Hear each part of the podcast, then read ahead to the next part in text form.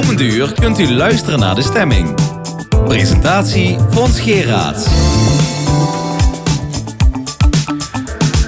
Welkom bij de stemming met informatie over de voortwoekerde coronacrisis. In dit uur aandacht voor de campagne om melding te maken van huiselijk geweld. TV-maker Twan Huis en psychologe Ingrid Kandel over wandelen als medicijn.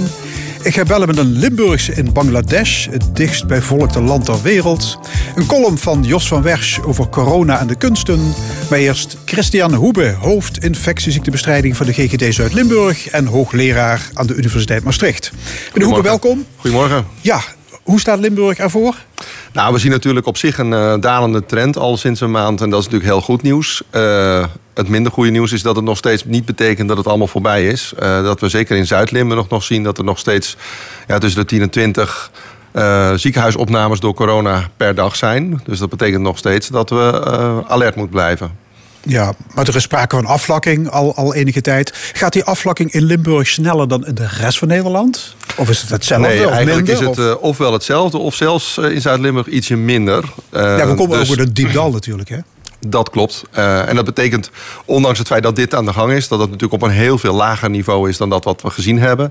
Uh, ja, en we gaan eigenlijk van die eerste fase, waarin we natuurlijk echt volle bak bezig waren met uh, de epidemie, nu naar een nieuwe fase waarin we moeten gaan kijken hoe gaan we om nu met deze crisis en wat gaan we loslaten en ja, hoe ga je uiteindelijk een balans vinden tussen aan de ene kant de maatschappij weer meer openzetten, economie weer meer laten lopen, en aan de andere kant toch te zorgen dat die, dit virus goed onder controle blijft. Ja, een poos geleden zei u in dit programma half mei. Dan verwacht ik dat we de epidemie enigszins onder controle hebben. U, zat, uh, u heeft dat goed ingeschat. U zat goed in de buurt. We zaten buurt, er toch? goed mee in de buurt. Ja, dat klopt, denk ik. Uh, ja, goed, het ziet er gewoon... Uh, hè, ook als je kijkt naar de landelijke, de, de IC-bedden bijvoorbeeld... nou, dat gaat allemaal weer terug naar wat meer normale proporties. Dat loopt natuurlijk altijd wat achter op de besmettingen. Um, dus ja, wat we nu kunnen zien is dat we echt naar een nieuwe fase gaan. Ja, sommige maatregelen worden versoepeld. Toch bond premier Rutte ons deze week op het hart om zoveel mogelijk binnen te blijven. Hij zegt, ja, het wordt drukker op straat en dat is niet zonder risico's. Hij had over de verrommeling van de discipline. U ziet dat ook? Ja, dat zien we natuurlijk allemaal om ons heen. Hè. Ik snap het natuurlijk ook. Mensen willen naar buiten. We zien meer uh, mensen in de auto. Uh, we zien uh, meer mensen buiten. Nou is dat op zich natuurlijk niet hetgeen waar het echt om gaat. Als je in de auto rijdt, dan verspreid je geen virus. Als je buiten bent, op zich ook niet. Als je in de stad loopt en je gaat naar winkelen, ook niet als we die maatregelen maar nemen. Kijk, het gaat uiteindelijk om het menselijk gedrag. En wat we zien als ik zie dat in ieder geval ook, dat mensen toch behoorlijk goed de maatregelen uh, hanteren en die anderhalve meter uh, aanhouden. Uh, en het gaat uiteindelijk om dat gedrag, of we ook daarmee uiteindelijk het virus onder controle weten te houden. Ik moet wel zeggen, er was recent een peiling afgelopen week... dat we ook zien dat ook daarin wat wordt gezegd... dat de mensen ook iets minder die maatregelen hanteren. Ja, en dan wordt het wel ja, zorgelijk. deze week ging de IKEA open. Honderden mensen stonden te wachten. Ja, kijk, en... het is op het moment dat mensen anderhalve meter aanhouden... blijft dat toch niet een probleem, vind ik. Het enige is natuurlijk dat we situaties moeten vermijden... waarbij er zoveel mensen komen... dat we eigenlijk die anderhalve meter niet meer kunnen uh, hanteren. Kijk, en als we daartoe gedwongen worden... dat we dat niet meer kunnen... dan is het natuurlijk een slechte zaak. Ja, u zei mensen willen er eens op uit, hè? Ja, het is natuurlijk mooi weer. Nou, op zich is er natuurlijk ook niks mis mee om naar buiten te gaan. Betekent ook dat we dit soort uh, tijden beter vol kunnen houden. Dus laten we daar vooral ook positief over zijn. Um, maar ja, goed. Uh, op het moment dat we dat keurig doen, met z'n tweeën afstand houden. En als je af en toe eens langs iemand loopt, dan maak je ook nog geen risico. Heb je ook nog geen risico. Maar op het moment dat we natuurlijk met Duitsland tegelijk een park gaan bezoeken, dan is het niet de goede zaak. Ja. En dan is de kans groot dat de teugels weer worden aangetrokken. Nou ja, goed, dat, dat moeten we natuurlijk zien. Hè. Dat moet uiteindelijk uh, uh, wordt dat landelijk besloten hoe dat, uh, welke kant dat op ja. gaat. het is natuurlijk vooral belangrijk dat we heel goed vanuit infectieziekteperspectief blijven monitoren. Hoe zit het nu precies met dat virus? Ja, en dat is dan ook wat we doen. Ja, maar dat, dat zie je in Duitsland. Daar is naar een eerste verlichting dat reproductiegetal wordt opgelopen naar 0,9 procent. Hm. Dus een stijging van het aantal besmettingen. Ja, dus, ja, dus je kunt uh, zien waar verlichting toe kan leiden. Hè, ja, dat is natuurlijk logisch. Hè? Op het moment dat we ons heel strak aan de richtlijnen houden en we zitten daarbij onder dat reproductiegetal van 1 en je gaat het weer loslaten, dan kan het weer omhoog gaan. Dat betekent wel dat in de nieuwe fase we nog veel nadrukkelijker natuurlijk gaan testen en ook meer bron- en contactonderzoek gaan doen. Dus dat betekent dat we achter elke persoon die positief is, die informeren we nu al over maatregelen. Maar dan gaan we er nog, de, we verwachten dat we daar de komende periode veel strenger op gaan zijn en ook veel meer die contacten achterna gaan, zodat je wel probeert op die manier ook een soort extra instrument te hebben om die uh, epidemie in te dammen. Ja, dat kan via die corona-app. Hoe staat het er eigenlijk mee? Ik hoor er niks meer over. nou, er wordt, er wordt nog steeds... Minister De Jonge is daar een maand geleden over begonnen. Maar het lijkt wel alsof het... Uh, nou, er wordt nog steeds uh, wel nu hard over nagedacht hoe we dat uh, kunnen invullen landelijk. Uh, dus daar zijn groepen mee bezig om dat in te vullen. en het is de bedoeling dat het natuurlijk, als we dat krijgen, dat het een soort aanvulling is van inderdaad dat bron- en contactonderzoek. en het moet natuurlijk wel zo goed zijn dat het privacy wordt gewaarborgd, dat het vrijwillig is en dat het uiteindelijk ook wel echt helpt. Ja, u, gelooft, kan, u gelooft erin? Nou, het kan zeker aanvullend zijn, kan zeker helpen, maar er moet nog wel het nodige gebeuren. Dus we moeten zien waar de minister mee komt. Ja, wat ik me trouwens afvraag, waarom houden we vast aan generieke maatregelen? Waarom kan het beleid in bijvoorbeeld Groningen en Friesland niet wat losser dan in Brabant en Limburg? Nou, er wordt zeker wel over gesproken. Hè. Dat, eh, dat, die, dat is natuurlijk een, het, voordeel daarvan zou zijn dat natuurlijk de regio's verschillende dingen kunnen doen. Het nadeel ervan is weer dat het wel weer nog meer de onduidelijkheid bevordert. Kijk, en we zitten natuurlijk nu in een fase waarin we toch al best wel heel veel verschillende soorten van maatregelen moeten uitleggen. Ook in het land. Hè. Je zit op de scholen. Wat doen we precies bij de kinderopvang? Wat doen we precies nou met die sporten? Iedereen moet zich op allerhande manieren aan maatregelen houden. Um, ja, op het moment dat het dan ook nog eens per regio gaat verschillen, uh, per provincie gaat verschillen, ja, dan wordt het wel een rommeltje. rommeltje. ja. Dus uh, ik ben er zelf wel voor om het toch voorlopig landelijk te houden. Ja. Over de grens in uh, Duitsland geldt deze week een maskenvliegt. in de openbare ruimte van supermarkten moet je een mondkapje dragen. Wat vindt u daarvan? Ja, ik uh, snap het. is natuurlijk een enorme discussie over die mondkapjes. Dat, uh, uh, dat zien we natuurlijk in Nederland ook. Zeker op het moment dat de landen om ons heen dit soort dingen gaan doen. Ja, onze infectieziektebestrijding, hè, dus de maatregelen zijn eigenlijk gebaseerd op die drie verschillende dingen. Anderhalve meter, veel handen wassen, thuis blijven op het moment dat je ziek bent. zeker op het moment dat het wat ernstiger is met je hele gezin.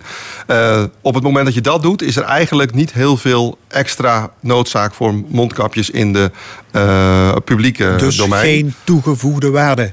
Daarin niet. Ik snap dat er een discussie is over uh, sommige situaties waarin je die anderhalve meter niet kan uh, uh, in stand houden. Zoals bijvoorbeeld bij contactberoepen of in het openbaar vervoer. Ook dan is het zo dat er bepaald niet eenduidig is of die mondkapjes nou echt helpen. Het is, enerzijds is eigenlijk niet bewezen dat je erdoor beschermd wordt als persoon. Het enige is dat het een soort barrière geeft voor je mond, waardoor je in ieder geval anderen iets minder kans geeft om besmet te worden. Uh, het enige nadeel is dat op het moment dat je bijvoorbeeld 20% reductie daarvan zou hebben, zou je zeggen, nou alle kleine beetjes helpen, dus doe zo'n mondkapje op. Het nadeel kan zijn is dat mensen daar ook weer laks door worden. Dat ze zeggen, en dat blijkt ook uit onderzoek, dat ze zeggen van ja, oh, ik heb toch klachten, maar ik doe gewoon zo'n mondkapje op, dan is alles wel goed. Ja. dan betekent het eigenlijk dat het ook nog slechter kan zijn als je een mondkapje gaat dragen. U bent lid van dat beroemde uh, OMT, het Outbreak Management Team. Klopt het dat premier Rutte voor 20 mei iets officieels gaat vertellen over die mondkapjes? Uh, nou, in ieder geval het Outbreak Management Team komt over dit soort vraagstukken ook bij elkaar. Uh, en zal ook daar de minister weer over gaan uh, adviseren. En ik verwacht, verwacht dat daar inderdaad de minister uiteindelijk wel uitspraken over gaat doen. Ja, jullie vergaderen, hebben begrepen, iedere maandag. Klopt, ja. In Den Haag of gaat dat via Zoom? Nee, tegenwoordig gaat het natuurlijk niet allemaal. Uh, ook daar geldt anderhalve meter, dus er wordt heel veel digitaal uh, gedaan. Ja, wat staat er morgen op de agenda? ja, nou, dat gaan we nu niet allemaal vertellen. Maar uh, in principe is het zo dat we inderdaad elke week bij elkaar komen. Ja. En daarmee de adv adviezen maken voor de minister. Ja, je hoort zeggen dat ons land sinds 12 maart wordt bestuurd door witte jassen. Ja, ik, uh, ik, kijk, het Outbreak Management Team is echt opgericht... en dat bestaat ook al jaren om echt de epidemie te bestrijden. Nou, dat heeft ze ook denk ik goed gedaan. Dus dat betekent dat, we, dat er een groep moet zijn die maatregelen moet nemen... om te zorgen dat er uiteindelijk in zo'n epidemie uh, maatregelen worden genomen op korte termijn. Nou, daarmee hebben we nu gezorgd dat... Uh, twee derde van de infecties niet zijn voorgekomen. We komen denk ik nu in een andere fase. Dan betekent het zeker niet dat je dus alleen nog maar moet luisteren naar mensen in witte jassen. Die hebben we overigens niet, maar uh, de dokters zullen we zeggen. Ik denk dat het echt tijd is in deze nieuwe fase ook om uh, veel meer uh, oor te luisteren leggen, ook bij andere specialisaties. We Ja, moeten u- kijken naar de economie. Als er, als er een tweede outbreak management team zou worden opgericht. Met, Ja, of je dat op die manier moet organiseren. Maar in ieder geval is het belangrijk dat natuurlijk ook geluisterd wordt naar de economie. Ook geluisterd wordt naar de maatschappij of de maatschappelijke gevolgen die er soms zijn, sociale gevolgen. juristen, Eh, economen, ja, psychologen. Kijk, de OMT moet zich bezighouden met kan het, wat gebeurt er vervolgens met die epidemie en wat gebeurt er met de verspreiding van die epidemie. Maar er zijn veel meer mensen nodig om uiteindelijk te bepalen hoe we uiteindelijk die afwegingen maken die nodig zijn om uiteindelijk de maatschappij te versoepelen, maar wel in balans te blijven met dat virus. Ja. Is dat ook een onderwerp dat in dat OMT aan de orde komt? Ehm, nou, wij richten ons natuurlijk vooral heel erg op praktische dingen die nu aan de orde zijn. Hè. Van wat is de waarde van zo'n mondkapje bijvoorbeeld? Wat Ja. moeten we uiteindelijk maar met de koffieautomaat wordt wel... eh, Maar uiteindelijk denk ik dat iedereen in het OMT eh, vindt dat het een belang is dat het uiteindelijk breder naar gekeken wordt dan alleen naar eh, de medische kant. Tot slot, heeft u nog een advies, oproep, een cri voor de mensen thuis? Nou ja, het is eh, soms een, beetje vergeten, maar naast corona zijn er nog veel meer infectieziekten. En een van die dingen is bijvoorbeeld de meningokokkenziekte, een epidemie die we eigenlijk in de eh, kiem hebben gesmoord eh, door eh, te vaccineren. Eh, maar als we dat niet doen, dat betekent dat die weer op kan eh, eh, nou, komen. Eh, wij gaan eigenlijk als GGD bijvoorbeeld de komende maand weer duizenden jongeren, 14-jarigen, vaccineren tegen de meningokokken eh, en meningokkenvaccinatie geven. Dat gaan we helemaal veilig doen, zodat ze, dat, dat ze niet corona kunnen oplopen. Ehm, maar dat is voor mij wat dat betreft dan een oproep om, ge- geef daar vooral gehoor aan. Want anders hebben we na de corona-epidemie ook weer een meningokokkenepidemie. En dat willen we ook niet. Christian Hoebe van de GGD en Universiteit Maastricht, hartelijk dank en tot de volgende keer. Graag gedaan. Ook aan tafel een van uw eh, GGD-collega's, Machteld Beukema, hoofd van Veilig Thuis. En dat is een organisatie die hulp geeft bij huiselijk geweld en kindermishandeling. Dat zijn toch de twee pijlers, hè? Ja, klopt. Goedemorgen. Ja. Ja, wij zijn een meld- en eh, adviespunt eh, voor huiselijk geweld en kindermishandeling. En daar valt eigenlijk ook nog ouderenmishandeling onder. Stalking, seksueel geweld. Dus eigenlijk alle vormen van geweld achter eh, de voordeur of in relaties waar mensen afhankelijk van elkaar zijn. Door de coronacrisis moeten we, ja, we moeten thuiswerken. Kinderen mogen niet naar school. Eh, zoveel mogelijk binnen blijven is het parool. Vader, moeder, kinderen zitten op elkaars lip. Dat moet wel leiden tot spanningen. Ja, dat, eh, dat is ook zo, eh, denken wij. En wij maken ons best ook zorgen daar, eh, daarover. Wat we zien is dat sinds ehm, eigenlijk half maart juist het aantal meldingen wat is teruggegaan in aantallen. Niet heel erg veel, maar nou ja, zo'n 5 procent, 10 procent. En wij hadden juist verwacht van, goh, ja, als je die situatie hebt dat je stress hebt, spanningen, misschien ook wel financiële problemen door corona, maar inderdaad ook ja, je hele patroon en je, je, je stabiliteit valt weg. En ehm, dat levert in, eh, voor heel veel gezinnen denk ik extra stress op. Eh, maar wij zien niet het aantal meldingen daardoor toenemen. Hoe kan dat? Eh, ja, hoe kan dat? Eh, daar, dat is wel heel vreemd van zich, die- hè? die In vraag deze stellen, tijd ja, ja, ja. daalt het aantal meldingen bij Veilig Thuis. Het is heel, ja, dat, is, dat, dat baart ons ook wel zorgen, omdat ook wij weten wat er achter de voordeur zoal gebeurt. En dat is best ernstig. Heel veel kinderen, maar ook heel veel ouderen en partners van elkaar ja, ja, zitten soms in, in situaties waarin geweld wordt toegepast. En ook deze coronacrisis zal zeker leiden tot, eh, tot meer stress. En ook mensen die het moeten afreageren. En ja, wij roepen dan ook echt mensen op die ehm, in zo'n situatie zitten. eh, om hulp te zoeken en om er in elk geval over te praten met iemand die je ook vertrouwt. Ehm, en in elk geval de volgende stap is bel ons. Wij, als je twijfelt, als je iets ziet in je omgeving of je maakt je zorgen over iemand, eh, neem die stap en bel ons. Eh, als veilig thuis. En er is altijd iets mogelijk. Wij kunnen altijd samen met iemand kijken. eh, wat is er aan de hand? Waarom, waarom maak je je zorgen? Zou het inderdaad zo kunnen zijn dat het niet goed gaat? Eh, zet, zet die volgende stap. Niks doen is geen optie. Ja, de hoeveelheid stress zal ook afhangen van, van de woonsituatie, neem ik aan. hè? Mhm. Ik bedoel, Ja. een gezin op een flatje met een balkon. Ja, zit meer in een hoge drukpan dan mensen in een groot huis en een, en een joekel van een tuin. Ja, zeker. En het zou natuurlijk ook zo kunnen zijn dat juist door de coronacrisis en door het wegvallen van een aantal verplichtingen en er voor heel veel gezinnen ook opeens wel meer rust en tijd voor elkaar is, dat het ook de andere kant natuurlijk ook wel een positieve werking heeft. Maar ja, onze ervaring in de gezinnen die wij eh, ook in Noord- en Midden-Limburg, want Veilig Thuis is niet alleen hier in Zuid-Limburg, maar ook in Noord-Midden-Limburg. Ehm, ja, het begint langzamerhand maar ook. u, u zei net dat door de lockdown Mhm. er misschien wel minder geweld voorkomt. zou- Omdat alles op zijn kop wordt gezet. Er hoeft opeens niks meer. Ja. Dat zou ook tot meer rust kunnen leiden. En dat Ja. is een verklaring voor die dalende cijfers. Nou, ik denk niet dat het meteen een eh, verklaring is voor de daling. Maar wij breken ons het hoofd erover. Van hoe komt dat nou? Terwijl wij met z'n allen in dit, in dit veld denken van... goh, er zou wel eens heel veel meer spanning kunnen zijn. Ehm, kijk, mensen die al in een situatie zitten van geweld... daar is het nu echt een hele slechte zaak. Want mensen zitten in isolatie. Hè, kunnen niet ontsnappen. Kunnen niet hun, naar hun vaste eh, ontspanningsmomenten. Kinderen gaan niet naar school. Eh, dus daar waar het in de gezinnen al, al spannend was en niet goed ging, gaat het natuurlijk slechter. Ehm, maar wij zoeken ook naar een verklaring waarom er toch minder meldingen zijn. Het zou natuurlijk aan de andere kant voor sommige gezinnen die het normaal ontzettend druk hadden en heel veel stress eh, ervaren, zou het misschien toch ook nog weer een vorm van verlichting kunnen zijn. Tijdelijk. Hè? Ik bedoel, we merken allemaal hoe langer dit duurt, hoe moeilijker het is ook om je langdurig aan te passen. Dus ja, vandaar die oproep. Ehm, wij maken ons zorgen. Wij Ja, maken zijn- ons echt vooral zorgen. mannen die zich daar schuldig aan maken? Nee, zeker niet. Nee, nee. Dus er zijn ook mannen slachtoffer van, eh, van geweld. En eh, ja, op, in deze tijd ook dat er veel minder sociale controle is op oudere mensen. Oudere mishandeling is echt wel op ja, de laatste paar jaar meer zichtbaar geworden. Financiële uitbuiting, eh, maar ook hè, mishandeling, verwaarlozing van oudere mensen. Dus daar maken wij ons nu ook zorgen ja, het over. hoeft niet per se fysiek geweld te zijn, maar ook Nee. intimidatie of scheldpartijen, bedreigingen. Ja, dat soort- misbruik dat maken van de situatie, financieel, ook verwaarlozing. Eh, nou ja, ook, ook in, in, hè, achter de voordeur veelvuldig stress en ruzie maken. Dat zijn ook ja, misschien niet meteen zaken waarvan je denkt van... hé, hey, er wordt iemand mishandeld fysiek. Maar dat kan op lange termijn net zo schadelijk zijn. Kom- Ehm, komt huiselijk geweld vaker voor in sociaal zwakkere gezinnen? Nee, of is zo dat een kunt, zo joekel, kunt u joekel dat van een vooroordeel dat ik nu... eh, Nou, dat is. Kijk, het is natuurlijk wel zo dat als je ook nog veel andere problemen hebt, zoals eh, hè, eh, weinig geld te besteden, ehm, eh, misschien ook onzekerheid over werk, financiën, dan dat is natuurlijk wel een extra stressfactor. Dus dat helpt natuurlijk niet mee en dat veroorzaakt ook heel vaak wel geweld achter de voordeur. Maar het komt overal voor. Rijk, arm, jong, oud. Eh, dus dat kunt, eh, dat kunt u Nee. niet zo stellen.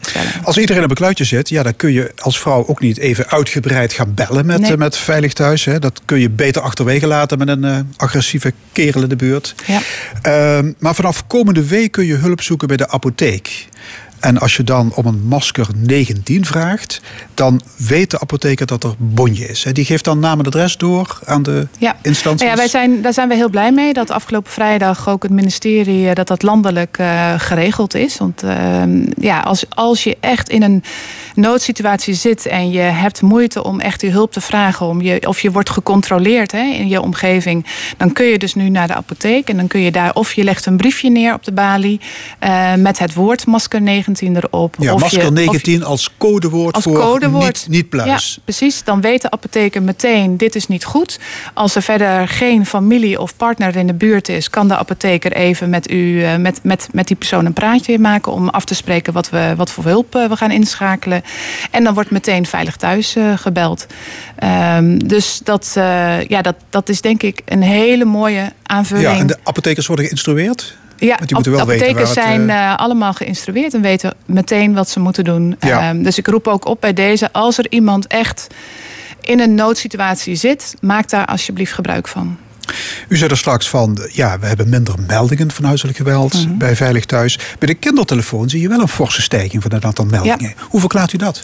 Ja, dat is natuurlijk. eh, De kindertelefoon heeft een deel een stijging, omdat er heel veel kinderen ook onzeker zijn. School is weggevallen, eh, maken zich toch zorgen. Als je de televisie aanzet, radio, je hoort alleen maar corona. Dus dat was een deel van de kinderen die daar ook hun onze- onzekerheid eh, nou ja, lieten blijken. Een klein deel in de stijging zit ook van huiselijk geweld situaties. En wij staan goed in verbinding met de kindertelefoon. Dus alle meldingen van kinderen die daar binnenkomen over huiselijk geweld, eh, worden uiteindelijk in samenwerking met ons. En natuurlijk in overleg met het kind. Dat gebeurt niet achter de schermen zomaar. Maar eh, ja, die samenwerking is er. Ja, in Frankrijk trouwens is het aantal meldingen sinds de lockdown met, eh, met 30% gestegen. Ja. Ik bedoel, wordt intern ook de vraag gesteld of jullie goed functioneren? Ja, natuurlijk. Ja, ja en ik, wij hebben hè, vorige week nog met alle gemeentes uh, een Skype-sessie gehad. En ook ik ben wel onder de indruk van alle initiatieven die alle 16 gemeentes op dit moment nemen. Alle gezinnen die wij al kennen, dat geldt niet alleen voor Veilig Thuis, maar ook alle teams jeugd en WMO-teams van de gemeentes.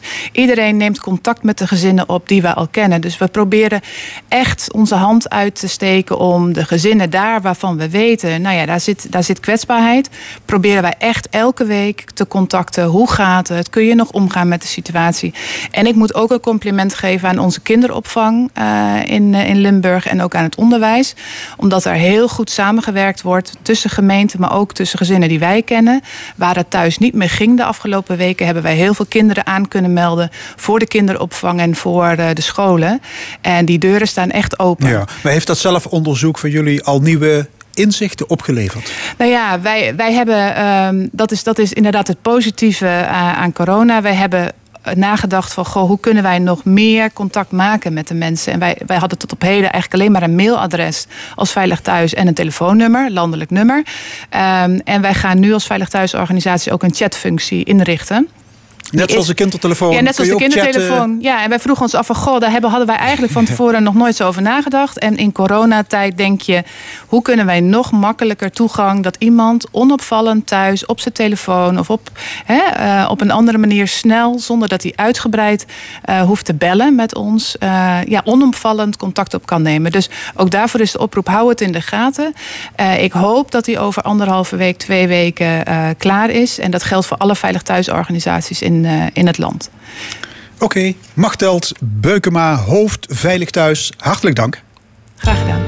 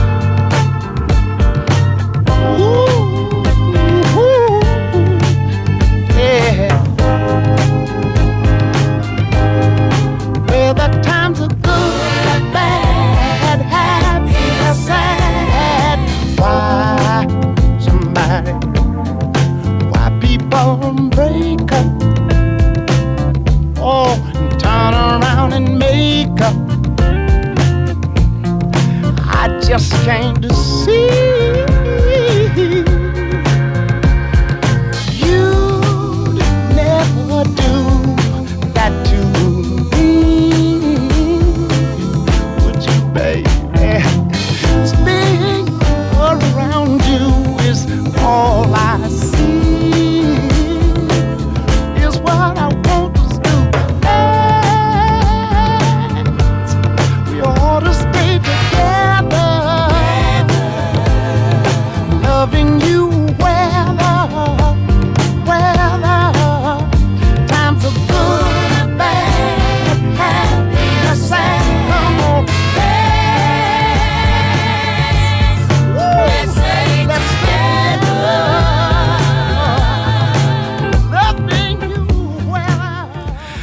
Al Green met Let's Stay Together in de stemming van L1 Radio. Zometeen ga ik bellen met een Limburger in den vreemde. Dat is ontwikkelingswerkster Lisa van Gerven in Bangladesh. Maar eerst de column van de week. De column. Vandaag met Jos van Wersch. Ik vraag het alle kunsttypes in Limburg vriendelijk, maar wel met klem. Stop met de bovenmatige aandachttrekkerij voor jullie benarde situatie. Jullie mogen weliswaar van de kunst en van de cultuur zijn. Jullie hebben desondanks geen enkele reden om je verheven te voelen boven een radiocolumnist en ander gepeupel dat ook in de shit zit. Ik snap heus dat het niet meevalt om van de ene op de andere dag je podium kwijt te raken waarop jullie gesubsidieerd allerlei kunstjes mochten vertonen onder daverend applaus. Jullie spelen de hoofdrol op de bühne, maar sinds corona hebben jullie zelfs geen bijrol en gaan jullie in de coulissen dood van eenzaamheid. Jullie willen juist iets betekenen, gezien worden, jezelf waarmaken. Nu dat niet meer kan, misschien wel nooit meer, hebben jullie de brutaliteit om 300 miljoen euro ministeriële, ministeriële noodhulp te betitelen als een fooi. Ik hoor de klaagzang van de Limburgse schouwburgdirecteuren, wie er vaste salaris overigens gewoon doorloopt. De heer en mevrouw Van Wersch behoren tot de theaterbezoekers die hun geld niet terug hoeven van de voorstellingen die niet meer doorgaan. De hele schouwburgbaas Bas Schoonderwoerd noemt dat gebaar hartverwarmend. Want daarmee kan hij, zegt hij, kunstenaars tegemoetkomen. Ik mag hopen dat dit geld daadwerkelijk terechtkomt bij ongesubsidieerde Limburgse ZZP'ers. Je boterham verdienen in de kunst en de cultuur is ongetwijfeld spannender dan huisje, boompje, beestje in een rijtjeshuis. Maar dan ook niet mouwen nu het tegenzit. Alsof jullie de enige zijn die afsteven op het faillissement. Jullie lobbyen in ongeluk. Jullie weten als creatieve netwerkers hoe je de media haalt en, niet te vergeten, hoe je cultuurgedeputeerde Ger Koopmans voor je karretje kunt spannen. Maar vergeet niet, jullie zijn straks, na de crisis, als allerlaatste bedrijfstak aan de beurt. Eerst moeten wij, de gewone mensen namelijk, weer voldoende spek op de ribben hebben om überhaupt een kaartje te kunnen kopen. Ik vind alle kunstenmakers het allerbeste, maar na het geapplaudiseren voor de zorgverleners gaat mijn sympathie nu uit naar de ongesubsidieerde, ploeterende helden in de Limburgse horeca. De ooit door Michelin doodgeknuffelde belugas en Vinci's van deze wereld moesten zich uit lijfsbehoud bekeren tot de formule van de afhaalchinees. Net als Astrid en Alex in Schimmert, Gieten in Meersen en Ed en Frans in Helen, die geen eigen gedeputeerde in het gouvernement hebben, laat staan een hotline met het ministerie van OCNW. Morgenavond, tijdens de dodenherdenking, spelen alle harmonieën en fanfares van de gemeente Valkenburg tijdens een betekenisvolle ceremonie de Last Post.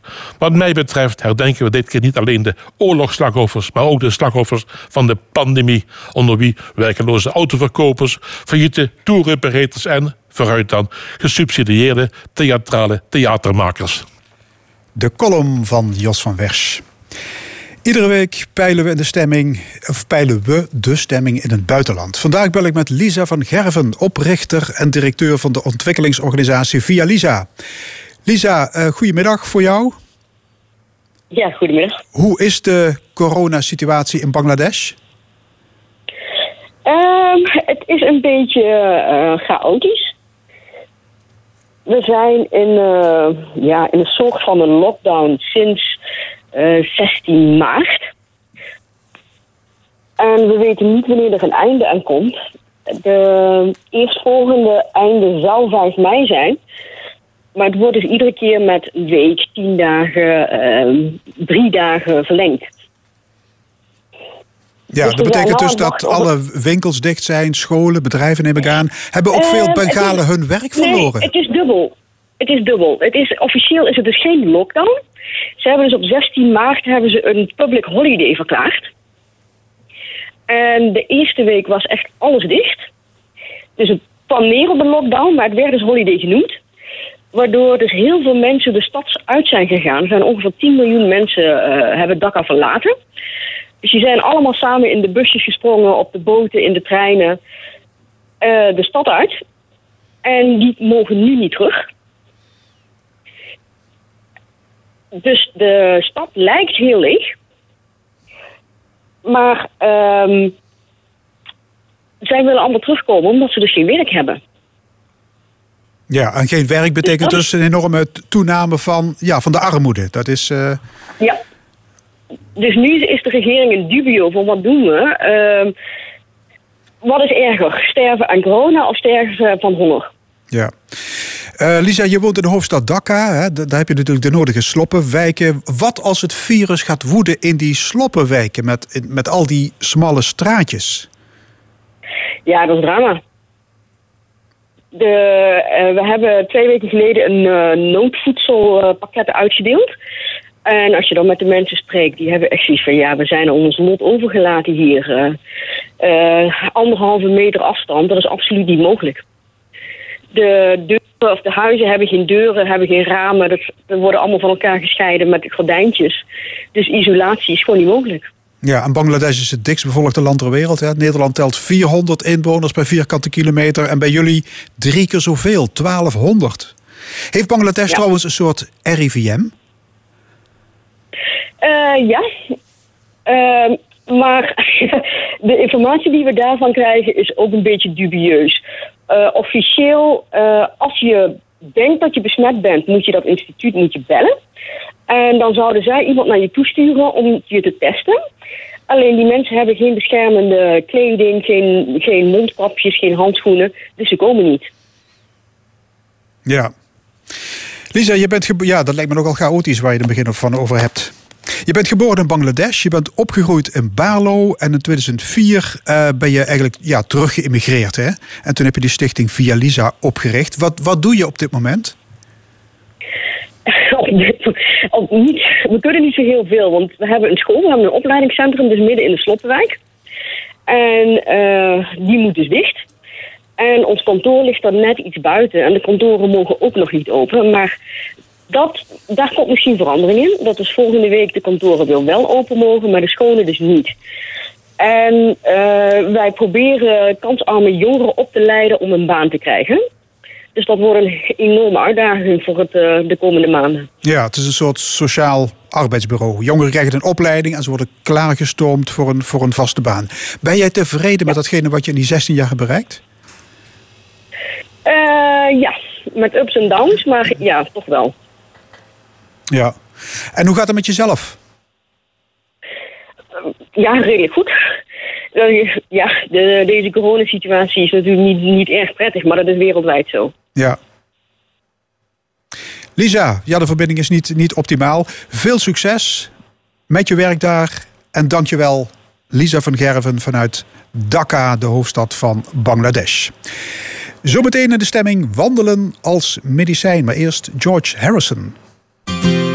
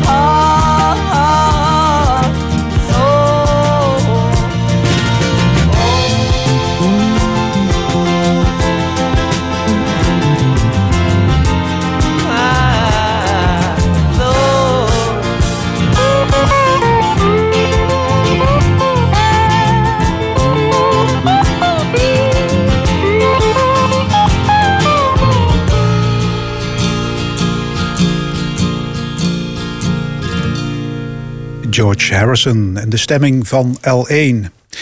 Ja, u kent de dringende oproep in deze coronacrisis. Blijf zoveel mogelijk thuis. Maar gelukkig is het wel toegestaan om het frisse neus te halen. Wandelen en fietsen. Opvallend is dat er eh, stapels boeken, reisgidsen en krantenbijlagen verschijnen over wandelen. Zo schreef journalist Twan Huis het boek Wandellust. En psycholoog Ingrid Kandel is wandelcoach. Ingrid, eh, welkom. Je woont net over de Belgische grens. Ben je te voet gekomen? Nee, met de auto. Oké. Ja. En mocht je de grens over? Eh, heen was geen enkel probleem, omdat daar niet gecontroleerd wordt. Terug is nog maar even de vraag. Maar ik heb een eh, mooie brief van jou gekregen. En ik ga ervan uit dat ik met die brief eh, terug mag. Ja. En je bent wandelcoach. Hè? Je wandelt met groepen mensen. Wat is de bedoeling? Ja, Ehm, ik ben coach en ik coach al wandelend. En dat doe ik omdat het eigenlijk alleen maar voordelen heeft. Zowel voor de cliënt, degene die gecoacht wordt, als voor mezelf. Ehm, je hebt het over cliënten. Wat, wat mankeert die mensen? Eh, dat kan van alles zijn. Mensen die ehm, onzeker zijn, mensen die worstelen met bepaalde vragen met betrekking tot relatie, werk, eh, wonen, eh, opvoeding. Dat maakt eigenlijk helemaal niet zoveel uit. Ehm, iedereen kan met coachvragen geholpen worden. Ik doe dat dus wandelend. Ik stel die vragen terwijl we wandelen omdat het voordelen heeft. De cliënt eh, beweegt. En nou ja, daar zullen we het zo meteen nog over hebben. Ja. Bewegen is gezond. Ehm, bovendien hoeft de cliënt niet ehm, in een wachtkamer te wachten op zijn afspraak. Ehm, en kunnen we heel laagdrempelig elkaar ontmoeten en al wandelend eh, eh, contact maken. Eh, we zitten niet in een kantoor ehm, waarbij we tegenover elkaar zitten. En we doen dat gewoon wandelend. Deze maand zou je een groepswandeling maken naar Banneux. Ja. En begin juni een driedaagse essentietocht. Allemaal afgelast? Allemaal afgelast. Ja, ja. En zelf zou je gaan wandelen naar Rome. Ja. Een voetreis naar Rome vanaf 1 Ja. juli ook afgeblazen. Eh, nee, dat niet. Ehm, het is even afwachten eh, wat er eh, voor maatregelen gaan volgen. Ehm, zometeen, of dat betekent dat de grenzen open gaan of niet. En dan is het de vraag wat de bestemming gaat worden. We hebben een lijnverbinding met Twan Huis. Twan, je hebt net het boek Wandellust geschreven. Van wie heb jij dat wandelvirus? Eh, dat heb ik van, van Frits en Bets. Dat zijn mijn ouders. En eh, die hebben mij op jonge leeftijd meegesleept de bossen in. En dat was vroeger een beetje contrekeur. Daar had ik er niet zo heel veel zin in, moet ik eerlijk zeggen. Maar ze hebben toch het wandel-DNA hebben ze in mij geplant. En eh, het is een hele grote liefde en hobby geworden tijdens de rest van mijn leven. Je zei al, ik moest vroeger mee, dat schrijf je ook in je boek. Hè? Wandelen was saai. Niks te zien, niets te beleven. Iedere zondag dezelfde routine. Opstaan, kerk, Duitse slakers, zondagse soep, wandelen. Dat moet diepe trauma's hebben geslagen. Ach man, de meest depressieve dag in de week vond ik de zondag. ik schrijf er ook nog bij, ik kreeg laatst mop met iemand van de sportredactie van de NOS. En dan moest eh, langs de lijn nog beginnen. Want dat, eh, dat was dan de kroon op de zondag. Ja. Nee, flauwkul. Maar het punt was dat ik heb gemerkt tijdens het schrijven van het boek... ik ben met heel veel eh, mensen op pad geweest. vrienden, bekenden, mensen die ik eerder had geïnterviewd... zoals Geert Mak en prinses Irene. En heel veel generatiegenoten van mij... die hebben hetzelfde verhaal, die herkennen zich hierin. En die moesten vroeger mee... En omdat we altijd allemaal hetzelfde rondje deden. Kijk, ik ging altijd. Ik ben geboren in Zevenum en we woonden in Horst. En dan gingen we. eh, nou, in de buurt van de Maas, daar was een natuurgebied. En daar gingen we altijd wandelen. En na afloop, als ik mazzel had, een pannenkoek eten. En dat was gewoon iedere zondag hetzelfde. Dus dat vond ik niet zo fantastisch.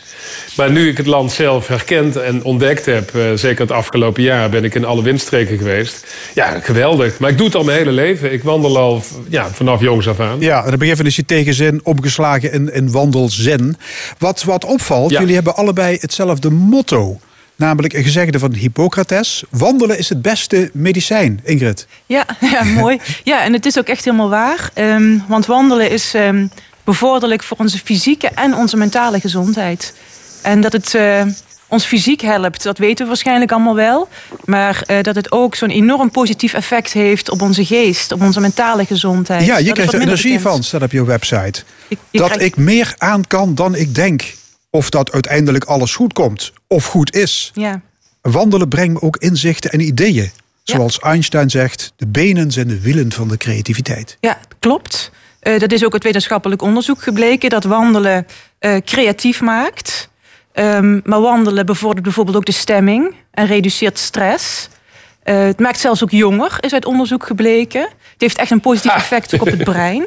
Ehm, dus het heeft eigenlijk alleen... Kortom, perfect medicijn. En zonder bijwerkingen. Zonder bijwerkingen, Ja. ja. Twan, jij was nogal eh, aangeslagen na de beslukking van je late night talkshow op, op RTL. Ja. Je ging naar vrienden in Amerika.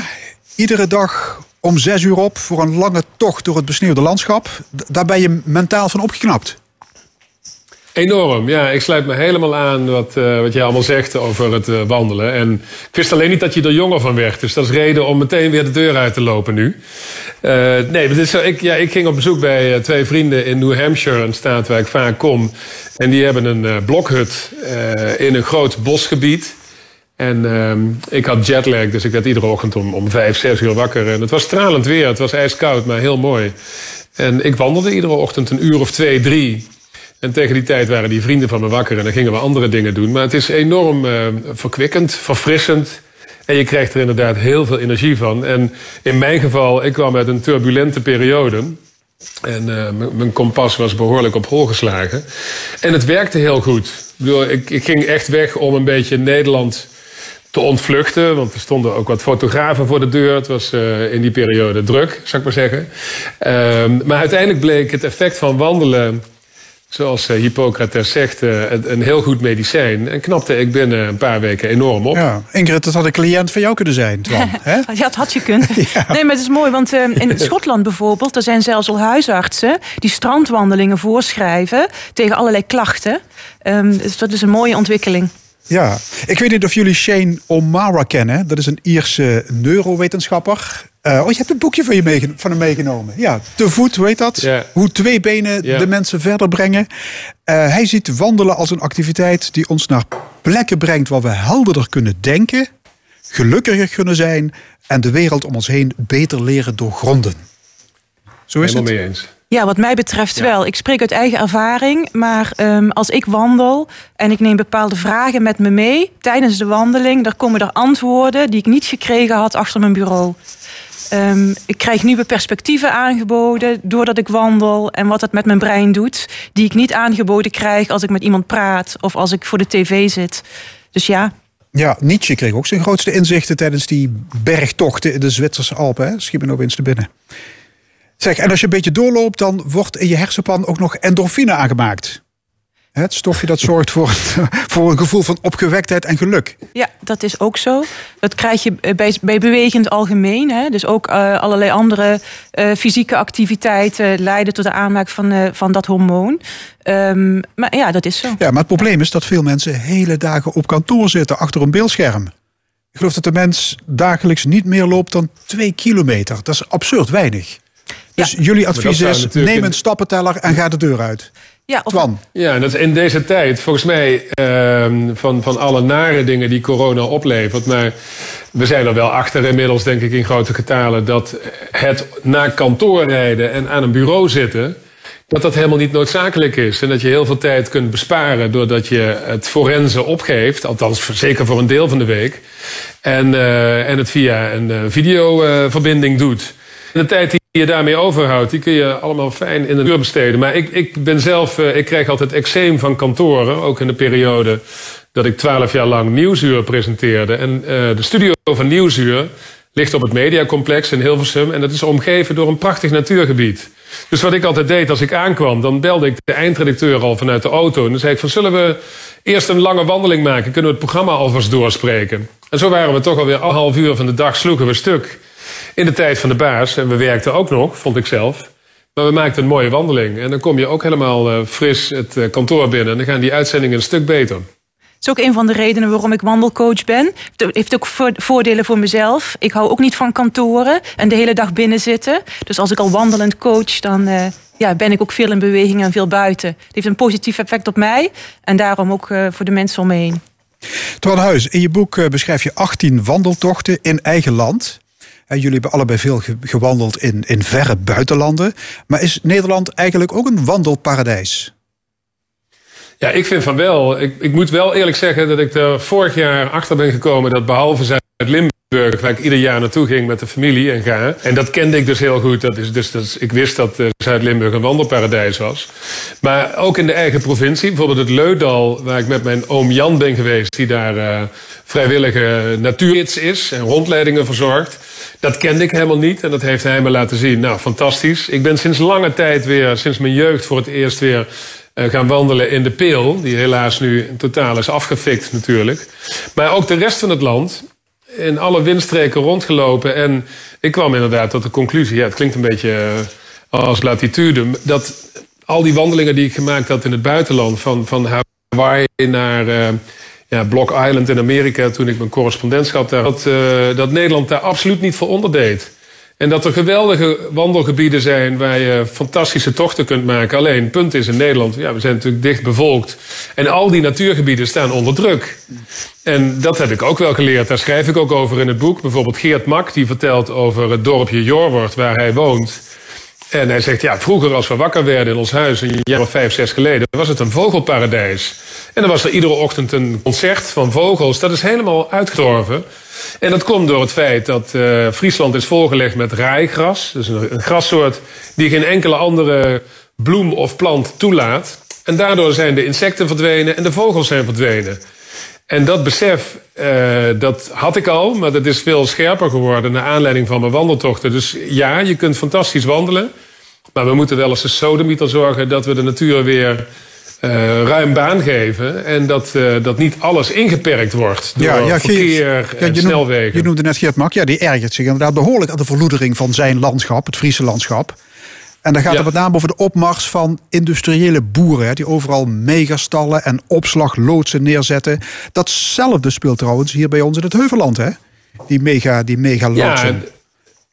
Ja, nee, absoluut. En, en er is nu zelfs uh, uit voorlopig onderzoek blijkt bijvoorbeeld dat het coronavirus zich veel makkelijker verspreidt in gebieden waar heel veel intensieve veeteelt is, zoals in Oost-Brabant en in Noord-Limburg. En uh, we hebben natuurlijk eerder al de Q-koorts gehad en nu dit weer. Ja, dat zijn toch allemaal signalen dat de natuur laat zich niet temmen of mennen. En als we Ja. daar niet wat voorzichtiger mee omgaan, dan uh, zullen dit soort ziektes uh, natuurlijk veel vaker voorkomen. Ja, wie ook kritisch is in jouw boek is de boswachter van het Gerendal bij Valkenburg. Ja. Hij zegt dat ons eh, provinciebestuur niet bezig is met de natuur. Citaat, ze adverteren met het Limburgse groen, maar stimuleren de industrie. Ja, nou ja, daar heeft hij ook gelijk in. En dat is niet alleen geldt dat voor Zuid-Limburg, maar dat geldt voor het hele land. Uh, Michel Cabolet is dat, een, een voortreffelijke boswachter en met grote passie en liefde voor het gebied waar hij verantwoordelijk voor is. En hij zegt van ja, uiteindelijk kiest ook de provincie Limburg toch voor uitbreiding van een vliegveld. En dus voor nog meer stikstof uh, in de natuurgebieden. En het Gerendal, waar hij onder andere over gaat, waar prachtige, een, een biotoop is met heel veel bloemen en uh, planten die je bijna nergens anders in Nederland vindt. Bijvoorbeeld de orchideeëntuinen die je daar hebt. Uh, die heeft daar enorm van te lijden. En hij heeft daar gelijk in. Ik, bedoel, ik woon in Amsterdam, ik zie de prachtige posters van Limburg waarmee de provincie zich uh, ja, te kijk zet als de toeristenprovincie van het land. En het is ook beeldschoon, maar ondertussen krijgt uh, de industrie die krijgt voorrang. Ja. Twan, je zei het al veel Limburg in jouw boek, hè? de Peel, het Leudal, het Gerendal en Veilen. Moet je dit eigenlijk allemaal aan de grote klok hangen? Ik bedoel, hoe meer reclame, hoe meer Zuid-Limburg wordt overspoeld door wandelende toeristen. ja, en waar toerisme is, gaat alles aan de knoppen. Nee, ik heb daar ook serieus over getwijfeld. Want uh, wij komen met mijn familie al uh, een jaar of 12, 13, 14 in het Gerendal. En ik vind dat tot nu toe nog steeds een van de allermooiste plekken in Nederland. Het Toscane van, van Nederland heb ik het wel eens genoemd. En uh, de laatste jaren, omdat ik iets te driftig geadverteerd heb over hoe mooi het Gerendal is, als ik er doorheen loop, dan kom ik ook mensen tegen. Uh, laat zelfs mensen die mijn boek bij zich hadden, wat natuurlijk op zich heel erg complimenteus ja. is. Maar het wordt steeds drukker, dat is waar. Ja. Uh, Niettemin, weet je, het, wordt, het rare aan drukte is het volgende. Wij zijn, wij zijn lemmingen, mensen zijn lemmingen. En we gaan allemaal op hetzelfde moment, gaan we in de auto zitten, rijden naar het werk en komen in de file te staan. We gaan op hetzelfde moment naar de IKEA met het paasweekend op zondag. Maar het geheim van wandelen, en heel veel mensen, wandelaars, die weten dit al, maar voor de luisteraars die het niet zo vaak doen, is het volgende. Als je uh, morgenochtend op maandagochtend om 9 uur naar het Gerendal gaat of uh, naar het Feyenoordbos of naar Noorbeek, dan is er geen kip te zien. Ja. ja, een lokale bewoner met een hond die daar rondloopt. En voor de rest is het hartstikke Ja, rustig. En nu dus dit je moet gezegd hebben, tijden morgenvroeg zit het daar zwart voor de mensen. Ing- Wel nee, Ingrid, wel nee. Ingrid, wat heeft jouw voorkeur? Wandelen in groepen, met z'n tweeën of in je eentje? Alleen of met z'n tweeën. Ehm, als ik een wandel in een groep, dan eh, is de kans heel groot dat er heel veel gepraat wordt. En dat eh, haalt me weg van het moment. Het haalt me weg van bewustzijn van de mooie omgeving. ja, Ehm, maar, maar het schijnt dat je tijdens een wandeling de, de betere gesprekken kunt voeren, toch? Ja, absoluut. Maar En dat je heel- elkaar niet hoeft aan te kijken, kan ook een voordeel zijn. Absoluut, maar er wordt ook heel veel gesmalltalkt eh, als je in een groep eh, wandelt. Ehm, en dat voegt niet altijd heel veel toe. Eh, als ik met een groep op pad ga, als ik een groep begeleid, dan las ik heel veel stilte momenten in. Dus dan zijn we samen en toch alleen. Of alleen en toch samen. Ja, dat vind als ik je mooi. helemaal alleen erop uitrekt? Dan ben ik stil. Tenminste, dat neem ik aan. Ik heeft me nooit iemand betrapt op praten Ja. tegen mezelf.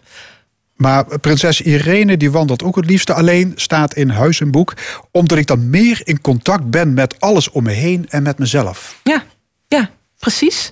Ehm, de, de aandacht is dan niet bij een ander, maar bij jezelf en bij je omgeving. Ehm, waardoor je heel erg veel kunt profiteren van die omgeving en het effect daarvan op, je, op je welbevinden. En je ook ehm, eh, meer kunt reflecteren, meer naar binnen kunt keren en kunt reflecteren op, eh, op jezelf. Ja, ik zei al, je wordt tegenwoordig bedolven onder boeken en specials en gidsen over wandelen. Eh, journalisten, filosofen, breindeskundigen, allemaal schrijven er boeken over. Je hebt zelfs de mooiste wijnwandelingen van Nederland. Waar, komt die hype vandaan? Goeie vraag. Ehm, ja, wat zou dat kunnen zijn? Ehm, we zijn zoekende met z'n allen. Zoekende naar rust. In, de, in, eh, een, ja, in een maatschappij waarin er veel gevraagd wordt van, eh, van ieder van ons. En ehm, ik denk dat heel veel mensen die rust vinden in de natuur, eh, in het wandelen. En daar zo enthousiast over zijn, ehm, dat ze andere mensen willen meenemen in, eh, in de wandelactiviteit. Het geldt in ieder geval voor mezelf. Ehm, ik heb ontdekt eh, hoe, hoeveel baat ik erbij kan hebben. En dat maakt dat ik andere mensen wil enthousiasmeren om ook die bergschoenen aan te trekken en het bos in te gaan, of de bergen of waar dan ook naartoe. Ja, ik kom nog één keer terug op die Ierse wetenschapper Shane O'Mara. Hij zegt, je wordt oud als je stopt met bewegen. Als je niet stopt met bewegen, word je niet oud. Twan, kan die spreuk op een tegeltje? Ja, nee, is een waarheid als een koe. En eh daar geloof ik eigenlijk in. Mijn ouders zijn nu, eh, die worden 6 en 87 dit jaar.